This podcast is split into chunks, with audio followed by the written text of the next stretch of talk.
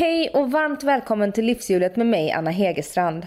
Hoppas att du har en jättehärlig sommar. Vi har kommit fram till avsnitt 217 och även den här veckan träffar jag en gäst jag träffat tidigare i podden. Vi ska få en återblick med programledaren Doreen Månsson som i höst blir aktuell med matprogrammet Vi lagar bästa maten på SVT. Matlagning och odling är en stor del av Doreens liv och den som följer henne på Instagram hittar mycket inspiration inom detta område. Doreen gästade mig första gången för fyra år sedan i avsnitt 16. Och vill du lyssna på det avsnittet eller något av mina andra 215 tidigare avsnitt så finns alla på Acast. Och har du inte laddat ner Acast-appen ska du såklart göra det på en gång. Och mig når du på anna.hegerstrand.se eller om du lämnar en liten hälsning på Livshjulets Facebook-sida. Jag önskar dig en fin vecka så hörs vi nästa igen. Nu Doreen Månssons livshjul, varsågod.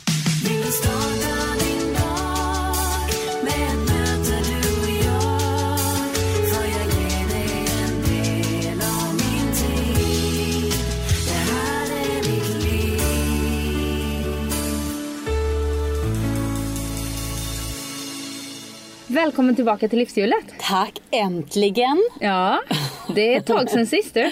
Ja, mycket har hänt. Fyra år sedan. Och du har en liten ettåring, så himla kul. Mm. Och du har en lite större tjej. Ja, Eller tre precis. större tjejer. Men, Ja, men din var ju väldigt liten då sist vi just såg Amina. det. Ja, hon är fyra och ett halvt nu. Du var ju, ja, då var ju du eh, mammaledig. Mm. Sist när vi såg. Finns något sånt, höll jag på att säga. Jag tycker jag jobbade då också. Ja, men gör man inte det som frilans? Jag har Jo. jobbat hela min mammaledig. ja, du har det. Ja, från att han var en månad. Men man får vara tacksam ändå att man har ett sånt jobb som går att kombinera. Får bli arga när man säger så. Men Mm. Ja, går. Fick du höra mycket att eh, du försakade liksom, hennes tid när hon var liten och så? När du flängde runt på jobb och Men jag samtidigt. kommer ihåg en grej specifikt var väl att jag tackade ja till att eh, göra melloturnén. Eh, och grejen är att jag tycker att det är så fruktansvärt tråkigt att vara mammaledig. Och det märker jag också väcker känslor. Men jag har svårt att... Alltså den första delen, det är ju inte som att du har en väldigt aktiv person vid din sida. Utan det är liksom, de sover och äter. Så då tackade jag ja till det. Och min sambo var filmad i Sydafrika så han kunde inte följa med. Och då tyckte folk att jag var ännu mer hemskt. Men då hade jag min äldsta dotter. Så jag var ute på arenorna, jobbade och hon var med Amina. Antingen i logen på arenan eller på hotellet. Ehm, Du hade henne lite som nanny. ja, exakt. In-house nanny. ja, men det gick väl jättebra. Mm. Men det väckte jag- reaktioner. Ja, men jag, så här, ja, jo det gjorde det. Men det känns som att du är en person som borstar bort det ganska lätt. Alltså jag Gås, vet inte. som Ja, min mamma vet. brukar säga. Att Ja. det av. Ja, jag vet inte. Alltså så, här, så länge man själv bottnar i varför man gör någonting då är det ju svårt att få dåligt samvete för det. Mm. Och jag kände bara så att det här är någonting som är roligt, som jag tycker är kul.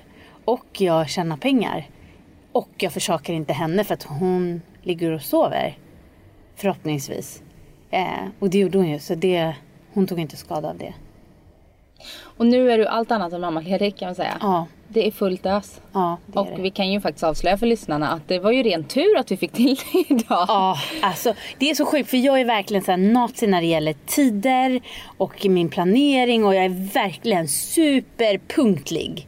Alltså jätte, jättepunktlig är jag. Eh, så att jag, jag gick liksom in i Sturegallerian här i Stockholm och strosade runt för mitt nästa möte är klockan ett då du textade. Du vet om att det är nio trappor upp va? Fick jag panik. Det brukar jag köra som, som Ja, jag lite vet. så här. Jag fattade att det. Vi ses på Kungsgatan 12. Ja, jag Och sen fattade det. Ja, det är på våning 9. När Ja. det börjar bli så här 5-10 minuter Ja, över. Men ja, det är så många som glömmer som har mycket att, Ja men att vet göra. du vad, det, jag köper inte det. För att jag, alltså jag personligen glömmer inget. Och det är för att jag är så glömsk. Så jag skriver ner allting. Anledningen till att jag inte hade koll på idag. Det är att jag någonstans inte har kollat i min kalender. Och det är väl för att jag låtsas att jag har semester. För att alla andra har det. Fast jag verkligen absolut inte har semester. Nej. Nej. Och när vi spelar in här nu så är det knappt mitten på juli. Mm. Men det sänds avsnittet i slutet på juli. Eller början på augusti, jag har inte bestämt mig riktigt än. Det är jag som är exekutiv där. Mm. Åh, lyx, lyx. Ja, ja visst. Det är därför man startar en podd, för då är man chef och Ja. får bestämma allt själv. Det är bra du Anna. Men, men hur ser din sommar ut då? Får du någon semester? Eh, nej, det får jag inte. Men jag jobbar ju hemifrån. och det tycker jag är så himla härligt för jag odlar ju så himla mycket. Så då kan ju jag här, ta mina samtal, sitta ner och skriva och sen går jag ut lite grann och rensar i rabatterna eller eh, ja, inte vet jag, binder gurkorna eller inte vet jag. Sådär. Så att jag, jag får ju chans att, att kunna vara, för det, annars hade jag kanske dött. Om jag var tvungen att åka till exempel in till SVT och sitta där när alla är på semester eh, och inte kunna vara i min trädgård. Så jag tycker ändå att, att jag inte lider. Och du har disciplinen att få någonting gjort när du ser de där gurkorna där ute som du hellre vill gå ut och klappa på? Nej, men om jag, nej, då går jag ut och gör det. Sen sitter jag igen. Mm. Alltså så att, så att jag, eh, jag liksom belönar mig själv med att gå ut och fixa lite i trädgården. Men det är också ett sätt för mig att pausa. Eh, liksom, jag röker ju inte eller egentligen dricker jag inte kaffe heller. Det är något jag bara har börjat låtsas göra för att få en anledning att också gå ut till någon kaffemaskin. Mm. För att annars sitter jag bara. Eh, men trädgården är liksom så här, då går jag ut och tar min paus. Och, och då gör jag ju samtidigt någonting. Eh, men där man rensar huvudet. För när man, när man håller på med odling. För det är inte odlingen i sig som är min stora grej, tror jag. Jag tror att det är att jag är så upptagen med händerna. Mm. Så att jag befriar hjärnan från allting annat än, eh, än det jag gör just nu.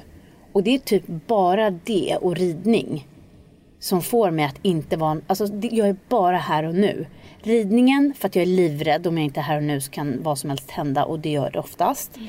Eh, och odlingen för att man liksom är ju sällan ockuperad med händerna på det sättet. Men använder man inte både ridning och odling i terapi? Mm, det gör man säkert, det borde man inte annat. Människor som lider av depression och sådär. Säkert. Att se saker växa. Och... Ja, ja, men det är ju helt bananas. Men det är också så här det har inte varit en jättebra sommar. Så man kan ju också bli helt knäckt över att man lägger ner otroligt mycket jobb och inget kommer. Eh, så att man får liksom, jag brukar säga att man ska ha en självförtroendesplanta eller flera. Sådana där som växer no matter what. Uh -huh. Och då kan man eh, liksom fokusera på dem när allting annat går åt skogen för att det är iskallt. Mm. Och 2015 släppte du ju Dorins trädgård och kök. Mm. Det var ett rent hobbyprojekt som blev till jobb då eller? Nej men det var Bonnier faktiskt som hörde av sig till mig. Faktiskt för matlagningens skull. Eh, hon hade följt mig på Instagram och eh, sen vann ju jag någon så här TV4s eh, Klockan åtta hos stjärnorna, eller vad det heter. Ja just det. Ja. Klockan åtta Halv åtta hos mig fast Ja, Klockan åtta hos stjärnorna heter det. Mm. Just det.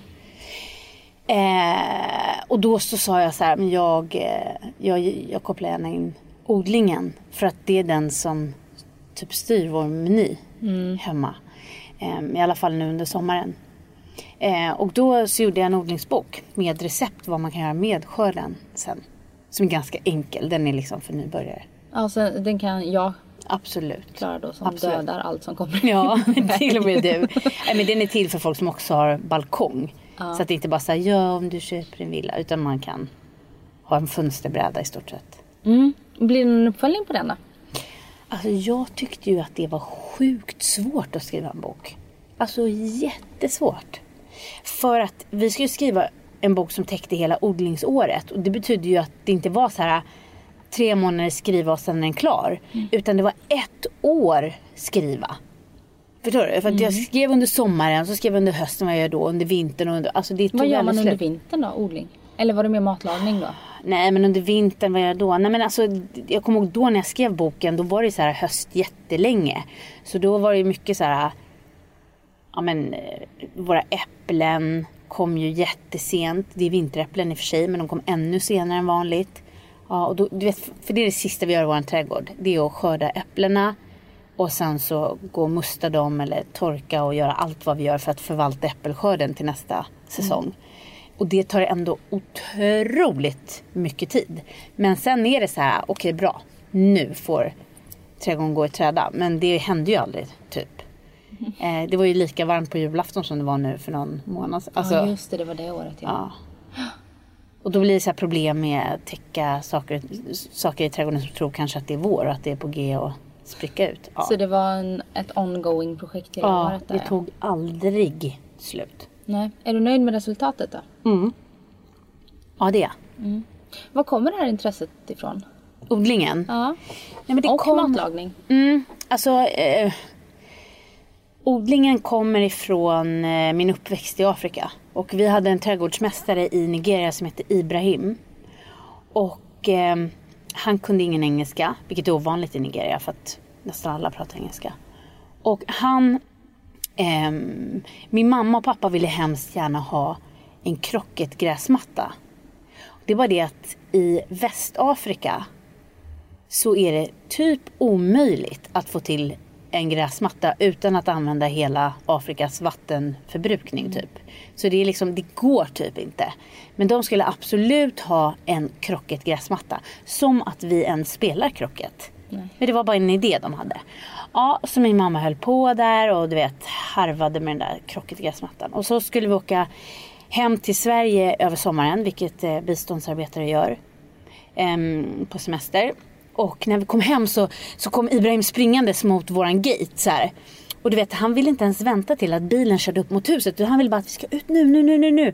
Och han var skitglad. Vi bara, jaha, vad kul. Så här, han tycker det är kul att vi är tillbaka. Oj, så här, ja, populära. Och så sprang alltså, vinkade så här, vinkade så här. Kom här, han ville visa något.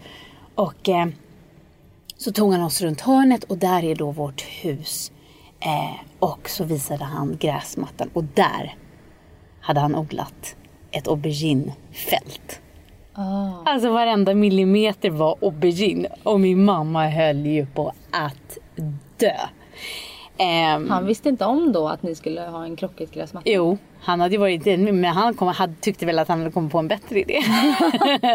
och det är så här roligt med så här, Ja, ja, men och det är också så roligt med så här västvärldens perspektiv och deras perspektiv. Mm. De tänker så här, oh, du har yta ja vad bra, då kan du odla mat alltså. Mm. Medan vi ville ha så här gräs, ingen funktion alls. Mm. Så han tyckte väl att han gjorde något jättefint. Men det resulterade i att jag och mamma, vi gick ut till marknaden och bytte grönsaker. För vi liksom hade för mycket aubergine. Så jag eh, kan typ alla recept i världen. Vi har provat allt för att vi har ätit så mycket aubergine. Så det, det är så gott.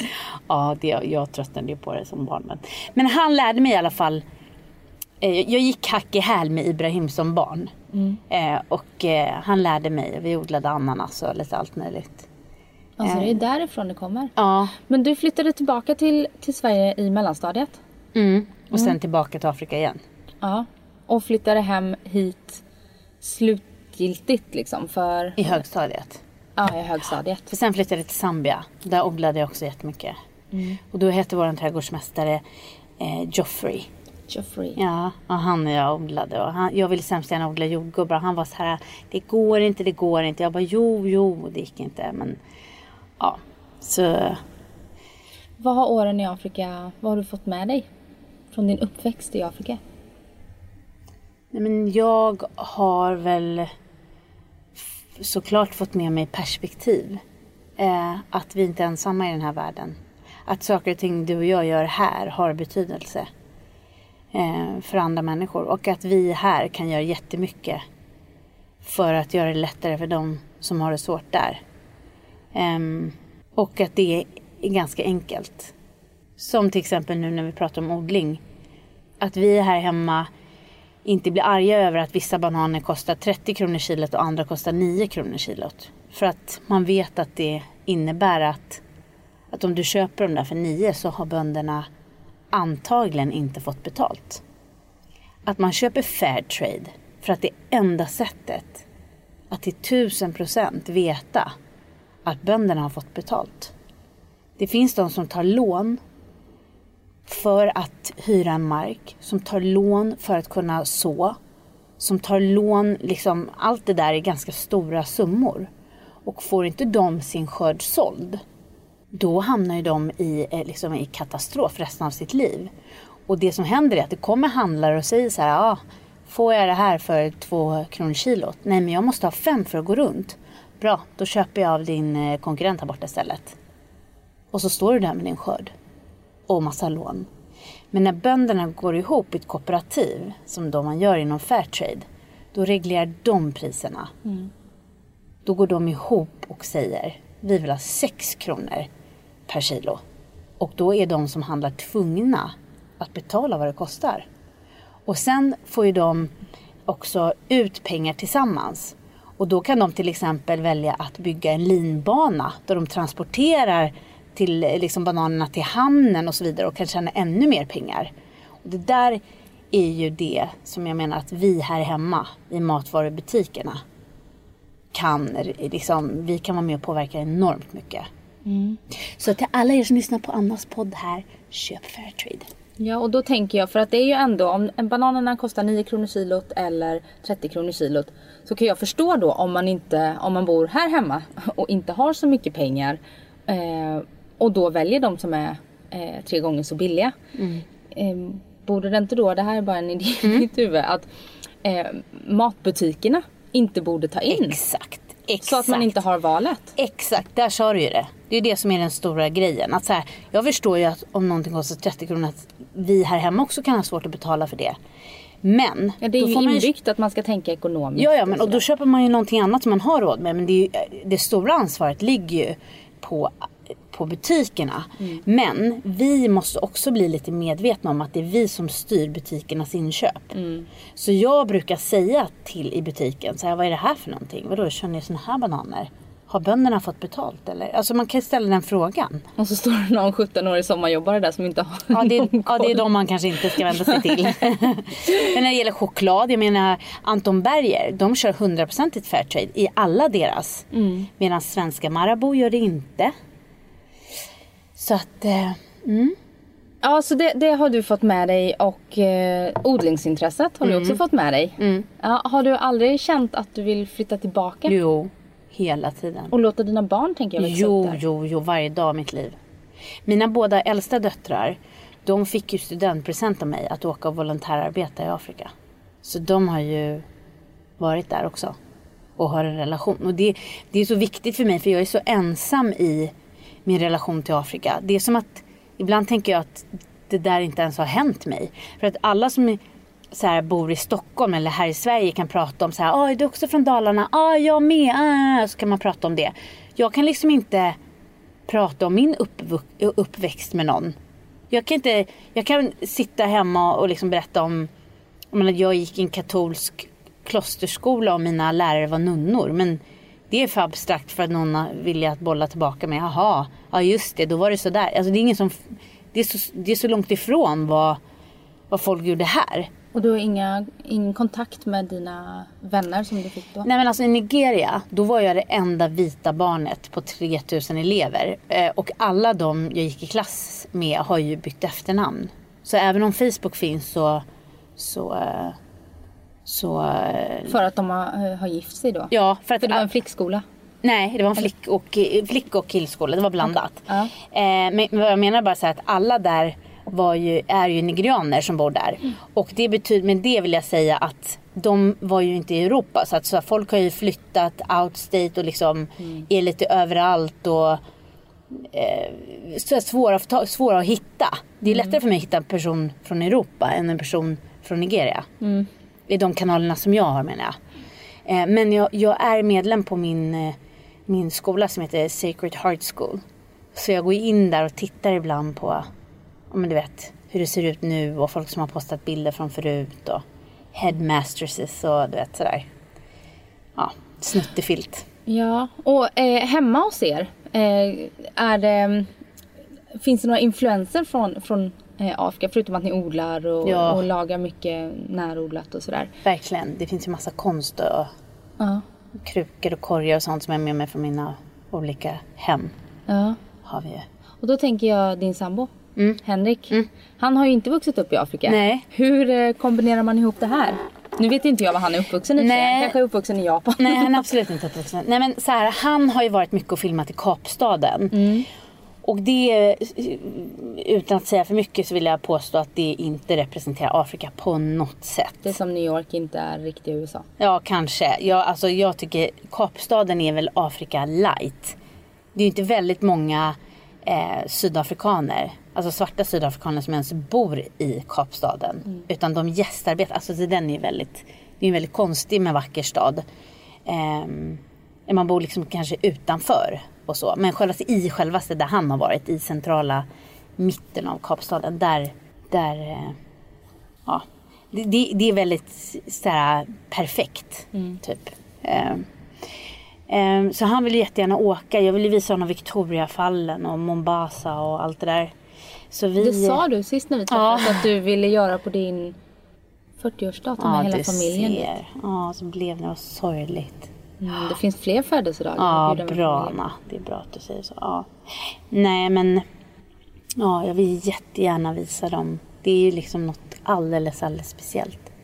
Men, men eh, jag vet att, att eh, mina barn brukar vara så här, var kommer han ifrån? Eller hon ifrån? För att jag har lätt för att se vilka länder folk... För, så här, är man uppvuxen i Europa kanske man bara tycker att ja, den här personen kommer från Afrika. Precis som att man i USA tycker att europeer är lika varandra. Så, så kan jag ju se, ofta i alla fall, var i Afrika en person kommer ifrån. Ja, det är så. Ja, men det är ju en världsdel. Folk ser ju jätteolika ut. Men det tänker man kanske inte på om man inte har varit där. Nej. Jag har ju aldrig varit, eller jag har varit i Marocko, men det kan, eh, har man varit i Afrika har man varit i Marocko. Ja, ja, ja det har man ju. Men det är lite Ja, som. Kapstaden att... Eh, Nej, det tycker jag inte. För Marocko är ganska rufft på ganska många ställen. Och väldigt, väldigt, väldigt liksom fattigt. Och som det är på många ställen i Afrika. Men jag vill också säga att jag har aldrig träffat eh, människor som är ek- så ekonomiskt oberoende som vissa delar av Nigeria. Alltså folk är så fruktansvärt rika.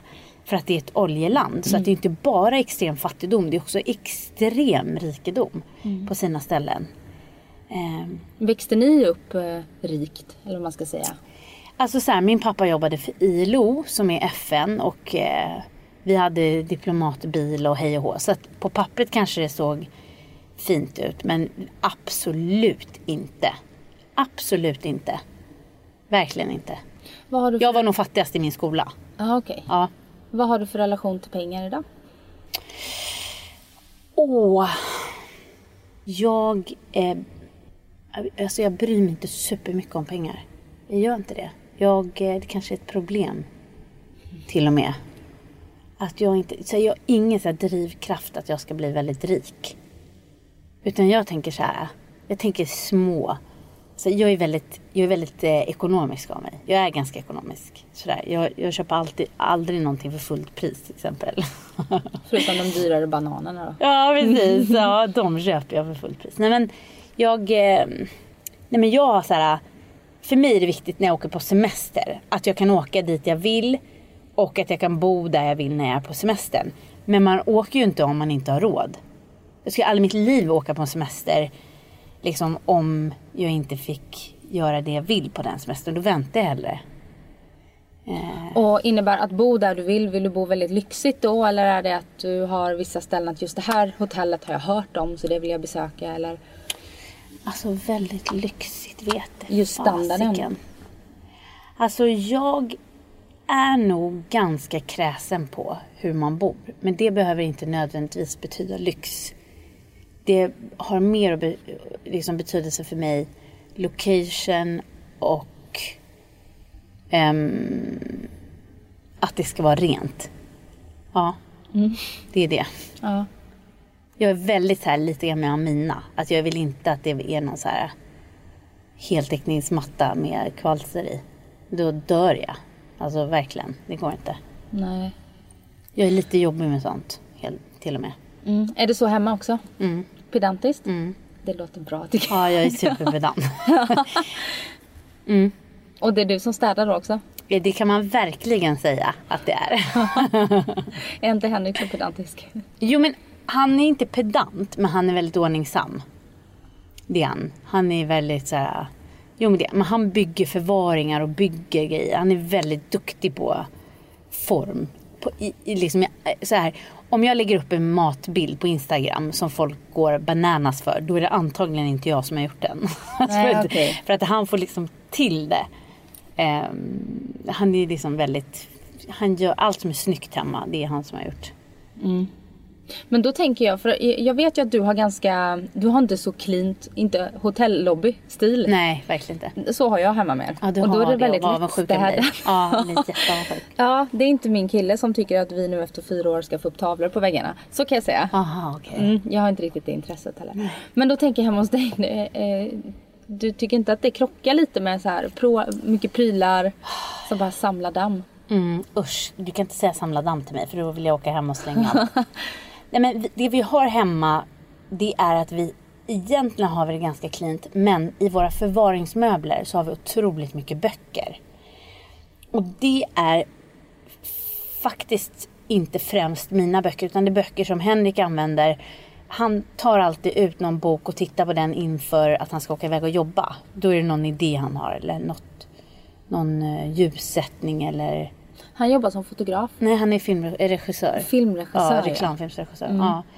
Så de vill han, om, man skriver ett storyboard så vill han ha eh, tillgång till den, den boken. Så det, från början var jag liksom på honom och skulle kolla om det verkligen var så att han gick och tittade i de här böckerna. För annars vill jag göra ett case av att de kunde visst åka upp på vinden.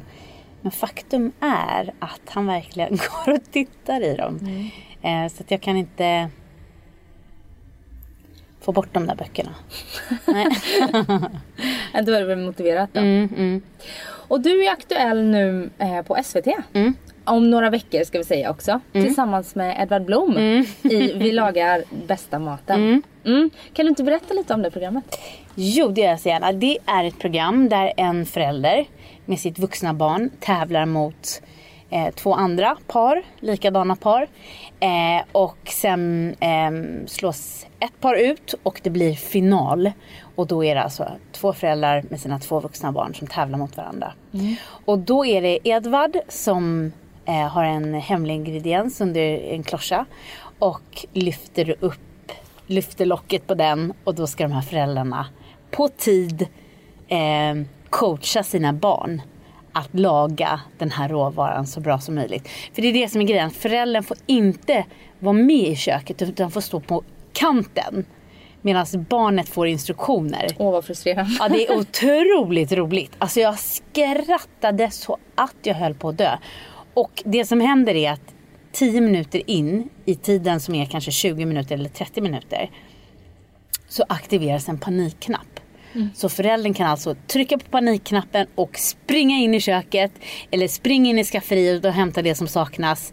Eh, provsmaka, sätta på ugnen rätt eller vad det nu kan vara. Och hur gamla är barnen? Men vänta, bara det att då går tiden dubbelt så snabbt. Och det är vuxna barn så det kan vara allt från, ja men du vet, 20 till 40. Oj! Så det är föräldrar och deras barn. Ja, vad spännande. Och det är oftast väldigt, väldigt, väldigt duktiga föräldrar. Som är väldigt duktiga på matlagning. Och är det du som har presenterat den här idén för SVT? Eller? Nej, nej, nej, nej. Det här är ett format som sänds nu i 22 länder. Så Ah, det okej. är liksom ett, ett format som går jättebra runt om i Europa. Så det är inte jag, nej. För jag vet att du är annars väldigt kreativ med att ta fram egna förslag och Mm. Eh, li- jobba lite från ax till limpa. Mm. Och eh, producerar en del. Mm. Producerar du någonting nu? Ja, jag är exekutiv eh, producent på ett program som jag faktiskt var med och tog fram och pitchade in. Eh, som handlar om hon som vann Mästarnas Mästare. Eh, Daniela Ljungqvist. Och eh, vi följer henne och hennes man Nisse Ekman som också är ishockeyspelare för detta. Eh, för att de genomgår IVF. Eh, så jag gör en dokumentärserie om dem. Det är väldigt Det känns väldigt Spännande. aktuellt. Ja. För att man har börjat prata mer om IVF och Mm. eh, svårigheter att bli gravid. Jag skulle säga att jag tycker du ska intervjua henne. För så här, hon är Sveriges första kvinnliga ishockeyproffs. Hon eh, är den som har varit mest populär genom alla tider på Mästarnas Mästare varje säsong. Alltså hon är hon vann över alla killar. Alltså hon är helt otrolig. Eh, och det är faktiskt Daniela själv som har kommit till mig med den här idén. Och eh, Vad starkt de gör detta nu alltså. Ja. Och hon, var, hon kom för, alltså hon kom ett halvår innan vi pitchade och var så här, vi vill göra det här, kan du hjälpa oss? Och då var jag så här, nej jag tycker inte ni ska göra det för det är väldigt jobbigt att ha ett team som följer en hela tiden. Det är liksom, det är jobbigare än vad du tror. För jag har ju sett eh, kompisar till mig som gör dokumentärer och det, folk blir ju så irriterade på teamen. Eh, och så gör man något som redan från början är jobbigt. Jag tänkte precis säga det. Jag har flera vänner som har genomgått IVF och genomgår IVF. Mm. Och det är otroligt påfrestande. Och då ha tv-kamera i ansiktet. Ja. Men vet du att hon är, hon är så otro, de är otroligt fina båda två. Och för henne så är det så viktigt att att göra någonting för att jobba bort skammen. För hon bara, vad är liksom, det här är ju en del av livet och eh, hur den går så vill jag gärna bara vara en del av att få det här att normaliseras. Ehm, ja, så det håller vi på med nu. Mm. Och när kommer den här sändas? Ehm, det vet vi inte än. Nej. Men vi kommer vara klara med det i jul. Tror vi. Och n- när ni blir klara, handlar det om eh, liksom när hon blir gravid eller Nej. ni kommer sluta? Nej, nej vi kan inte hålla på. Vi har inte råd att hålla på i all evighet. Utan vi, projektet är så långt. Så får vi se vad det blir. Ja. Jag håller tummarna. ja, verkligen. Men vad spännande och vilken ära att få det uppdraget. Mm. Nej, det känns så stort. Eh, men framförallt så känns det så himla bra för att jag vet att båda de två är otroligt grundade i att de vill det här och att de förstår vad det innebär och att vi verkligen har pratat om vad det innebär. Inte bara nu när vi filmar utan också sen när det sänds. För det är ju... Ja, det är ju Mm, starkt. ja, känsligt liksom. Och eh, hur hamnade du i TV? Mm, det var min eh, bästa kompis Tarik Saleh som tog in mig på Samhälle inför valet 2002. Det är länge, det är tio år nästa år. 2002? Tju- 20 år. Nej. Nej, men Nej, Vadå? 15 år. 15 år I jag. år. Som sagt, semestern. Ja, bara, jag bara, 10 år, jag måste jobba till. 15 år. I Mm. år är det. Men jag vill bara säga om en till grej som jag pitchat in som, är, som jag är jätteglad över att jag ska börja producera i höst. Eh, och det är jag producent, producent för. Eh, Operativ producent, alltså på plats. Och det är att jag ska göra en programserie om hajar i Sydafrika. Ah, vad kul. Mm. Så du på plats på plats i Sydafrika Mm. Ner i en bur på plats. då? Oj. Mm. När, eh, när ska du göra det här? Alltså mm, slutet av september, början av oktober är då det, det är mest vithaj. Så det är då vi behöver vara där. Hur kommer det sig att du producerar ett program om hajar? Nej men det, för att jag är så sjukt fascinerad av hajar. Jag är besatt av hajar. Eh, och jag tycker de är läskiga. Eh, och min dotter älskar hajar. Ja, Vi har mycket böcker om hajar som helst. Ehm, så jag tänkte väl eh, att det bästa sättet att få veta allt om hajar är att eh, göra ett program om dem. Sen så eh, blev jag väldigt inspirerad av en tjej som heter Sara Shepard som har skrivit en, bok om, en barnbok om hajar. Ehm, så det var faktiskt det som inspirerade mig att, göra ett program. Ja, vad kul. Har du stor, ehm, om vi går tillbaka till det här med hur du kom in. Du har gjort mycket barn-tv Mm. och mycket samhällsprogram. Och kultur och nöje. Ja, och kultur och nöje. Mm. Ehm, det, det måste ju vara, alltså när du, när du jobbar, hur eh, gräver du när du, där du står just nu liksom? Eller, för du gör inte så mycket barn-tv. Jo, jag gör barn-tv. Gör du barn-tv? Ja. Min son är för liten Nej, för alltså att... jag, om din son är ett år, så, så när Amina var ett år, då gjorde vi en app. Vi har ett barnprogram som vi producerar tillsammans. Eller Henrik eh, em, illustrerade och jag producerade. Som heter Visor med Doreen som går på i Bolibompa. Ja. Och det är visor och det liksom lite animerat och väldigt anpassat för den åldern. De ska inte ha så mycket klipp och det ska liksom vara ganska lugnt och väldigt mycket repetition. Och då gjorde vi en app för SVT som är en gratis app som finns att ladda ner där appar finns. Ja, och då är den till för barn från ett år till tre kan man säga. Som är liksom som ett litet spel med lite visor och lite som hjärnan får jobba lite som är anpassat för just den åldern. Och appen heter Visor med Doreen. Mm. Så nu parallellt då så gör du barn-tv. Ehm, eh, ja, Vi lagar bästa maten är ju inspelad. Men och sen så två Mm. Hajarna. dokumentärer. Mm. Alltså, ja, precis. Men Ha- Hajar-programmet är ett barnprogram. Hajar-programmet är ett Ja. barnprogram? Ja. Ja, ja. Det är för ja, barn. okej. Ja, vad spännande. Och sen just nu, just nu, nu låter det som att jag ljuger, men just nu håller jag på att utveckla ett program eh, om, om eh, eh, som jag, ja, ett matprogram. Ett annat matprogram eh, som, eh, ja, jag, jag får inte prata om det, men det är ett eget programförslag som jag har hittat på.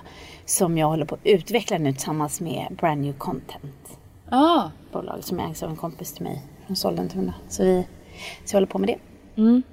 Du jobbar mycket? Eh, ja, Svar Jesus, Adam. Och det gör din sambo också vet jag. Ja. Hur får ni ihop allt då? Nej men jag vet inte, jag tycker inte det känns att jobba så mycket. Nu åker han imorgon och fiskar i fjällen. Han ska fiska harr, så han är borta tills på fredag. Så han jobbar väl inte så mycket, tänker jag. En Eh, vecka mitt i juli när alla andra är lediga. Ja, precis. Eh, men så att jag är ensam hemma med Amina. Eh, och ehm, jag kan ju ta med henne. Jag kan ju ta med henne på mina jobb, det är ju inte hela världen. Det är svårt att skriva kan jag ju säga. När man har en fyra och ett halvt åring, det funkar inte. Nej. Men ehm, jag tar med henne till min träning och tar med henne till jobb, möten. Sen får man väl eh, inte skriva så mycket den här veckan. Nej. Och dina äldsta tjejer, det är Hayat som är 26 och Jasmine som är 20. Mm. Eh, är Hayat i Los Angeles? Nej, Jasmine och hennes kille flyttade till Los Angeles efter Hayat. Alltså Aha. Hayat bodde i LA, sen flyttade Jasmine och Nicolas. Nu driver Hayat faktiskt ett bolag som heter hyrapersonal.nu. Eh, så alla Det som känner jag har... till det bolaget. Ja, de, är, de hade ju Polarpriset och Symposis. De körde ju Usher och Pharrell och Bieber och eh, de körde Sting och Annie Lennox. Alla de, här. Alltså, de är så otroligt duktiga. Jobbar främst för BMW och Mini då. Men de hyr ut personal till events och all form av events. Och eh, Jasmine jobbar faktiskt som teamleader där. Var hon som höll i Polarpriset. Så de jobbar tillsammans. De är så duktiga. Och eh, till alla de som pluggar och vill ha ett extra jobb så sök där. För att då får man göra någonting kul. Så, de, så Jasmine bor inte kvar i Los Angeles? Nej, hon har flyttat hem. Hon har flyttat hem? För att hennes eh, pojkvän kom in på handel så de flyttade tillbaka och han går nu i skolan och hon ja, men jobbar för Hayats bolag. Ja. Vad kul! Mm. Följ dem på Instagram, hyrapersonal.nu. Ja. Fick vi med lite reklam också Mm. från SVT-profilen. Fast jag gjorde reklam för att man ska jobba där, inte för att du ska anlita dem. Nej, Hej. exakt.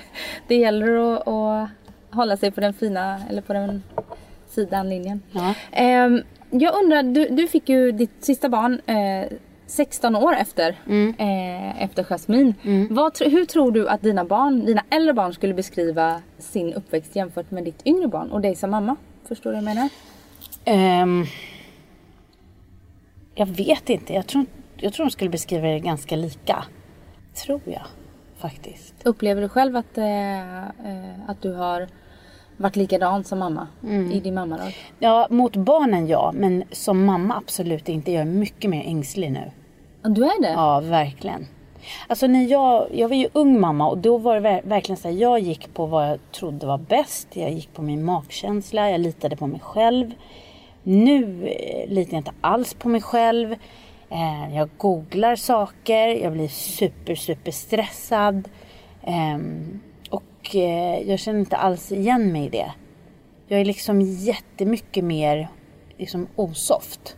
Vad tror du det beror på då? Nej men på att jag, jag vet inte, jag tror att det är att jag är äldre. Ja, jag tror det. Sen tror jag inte att alla blir som de blir äldre.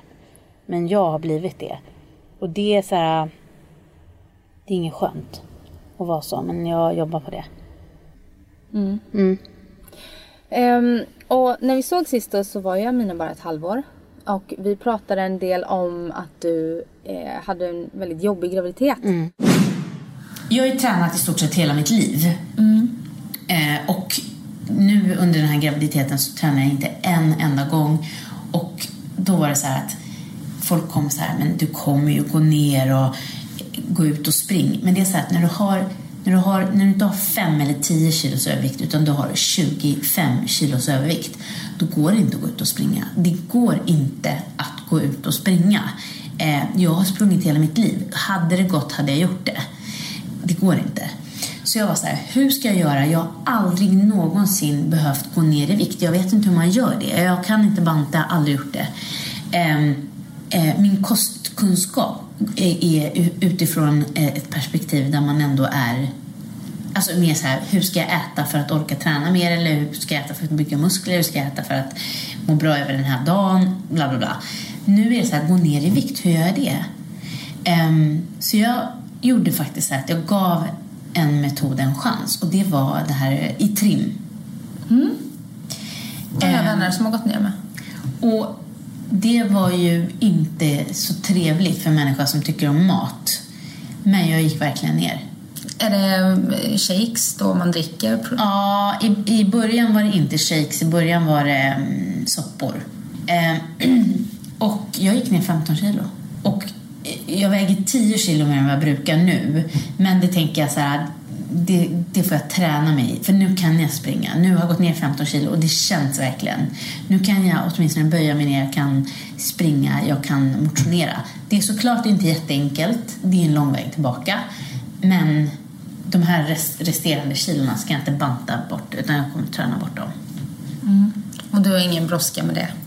Nej, alltså det handlar ju mer om att, att, att det är klart att det inte var roligt att vara skittjock.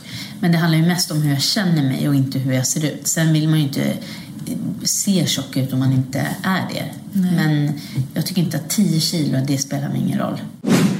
Ja, och jag ska säga så här, i trim, det är den första gången i mitt liv som jag överhuvudtaget har gått på någon form av diet. För att du inte, du sa att du, du visste inte hur man går ner i vikt för du har aldrig bantat och inte haft några problem och bara Nej. ätit det du har velat.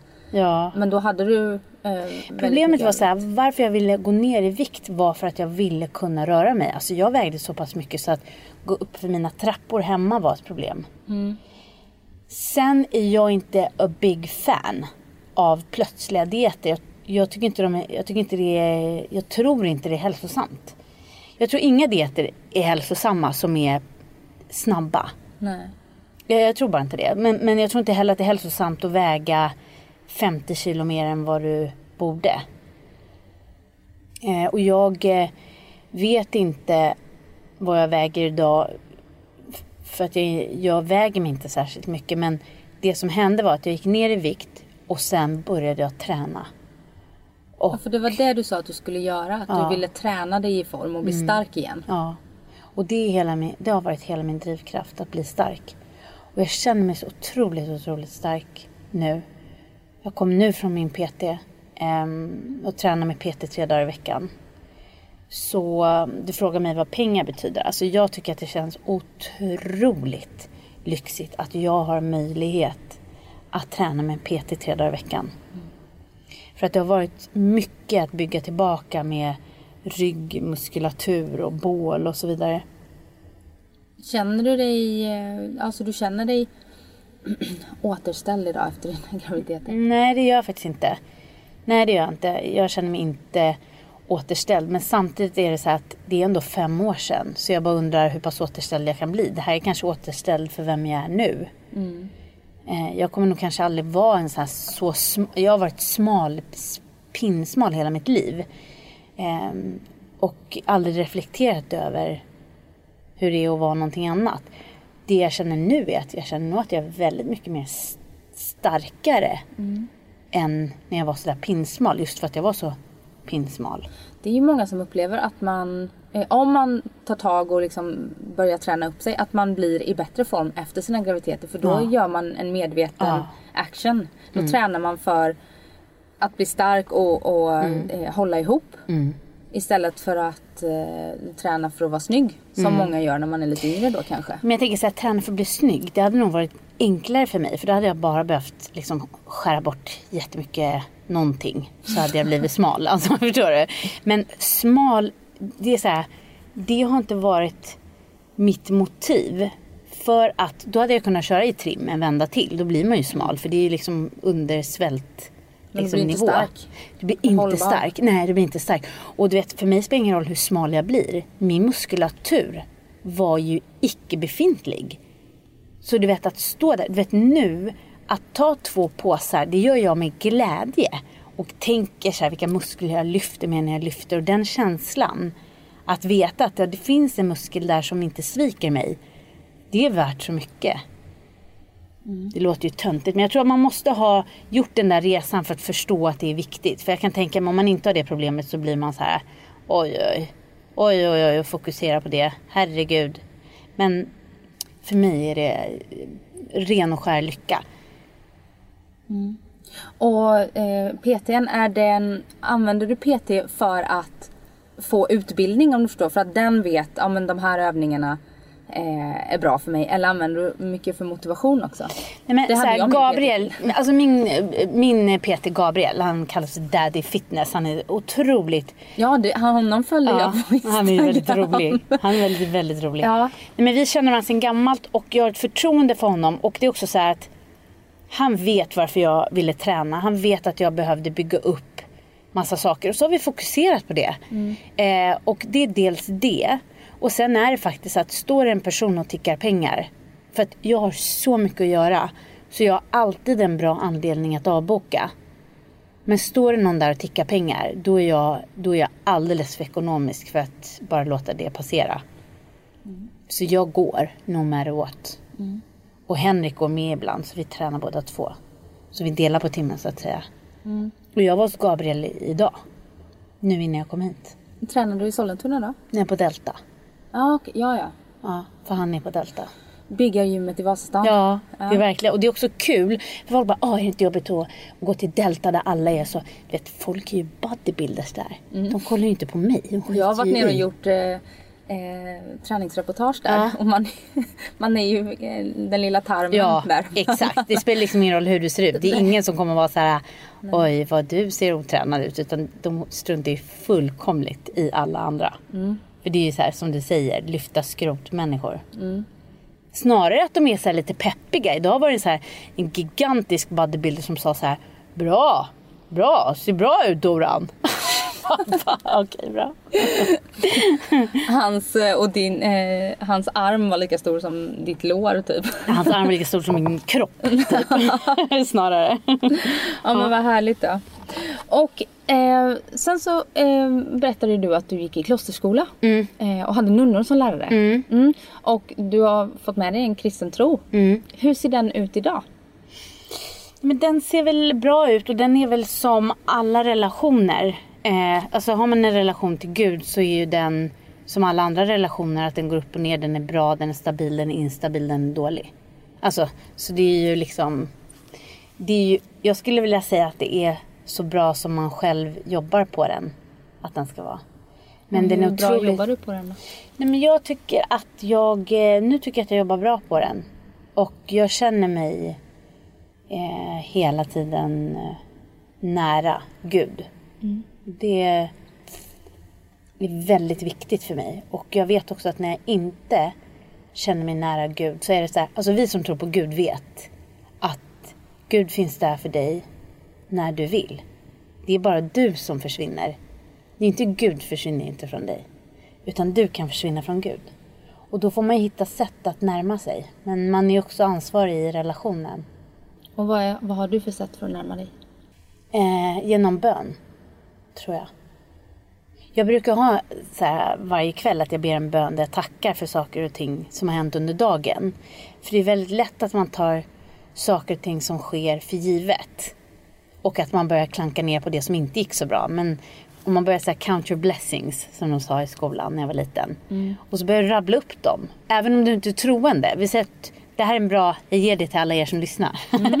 att man eh, kan säga när man går och lägger sig bara tack för det här, det där var bra att det hände. Vad kul, jag fick träffa Anna igen eller det är solen lyser eller jag känner mig frisk, jag känner mig stark och bla bla bla. Då blir de där grejerna som inte är så svängiga inte så stor, de får inte så stor plats. I paritet med det som faktiskt är bra. Men som man kanske bara tar för givet. Eh, ja. Och jag, nu har jag ju ett litet barn som jag ber aftonbön med. Så då är det lättare för mig att komma in i det. För att ibland är man så trött och bara, nej nu skiter jag i det här, nu går jag och lägger mig. Men när man ber aftonbön med sitt barn och tackar för dagen, då kommer det per automatik in i det. Mm.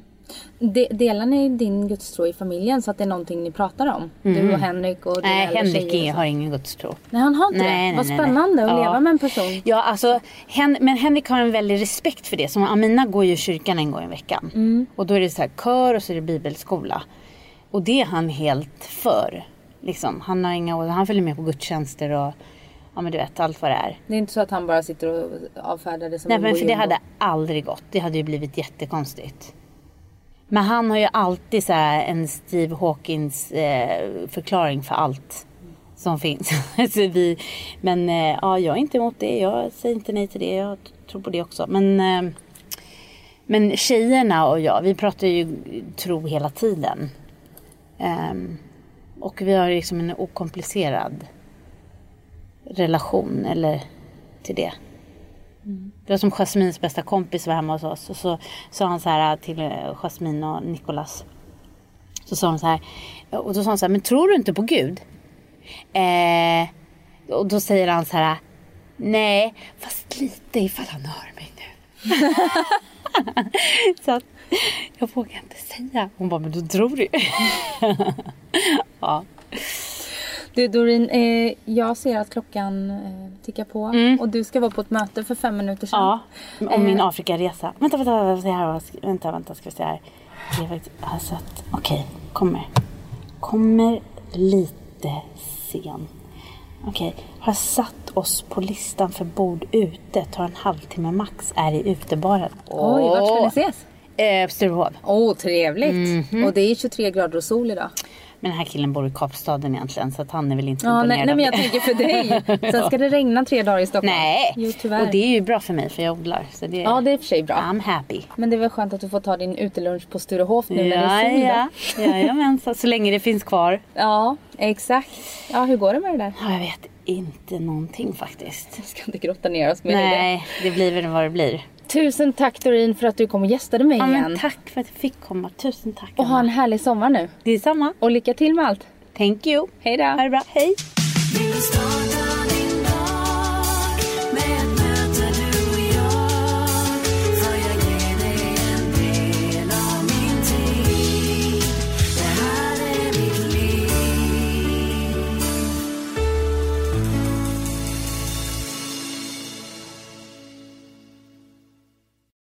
Snart startar vår stora färgfest med fantastiska erbjudanden för dig som ska måla om. Kom in så förverkligar vi ditt projekt på Nordsjö Idé och Design.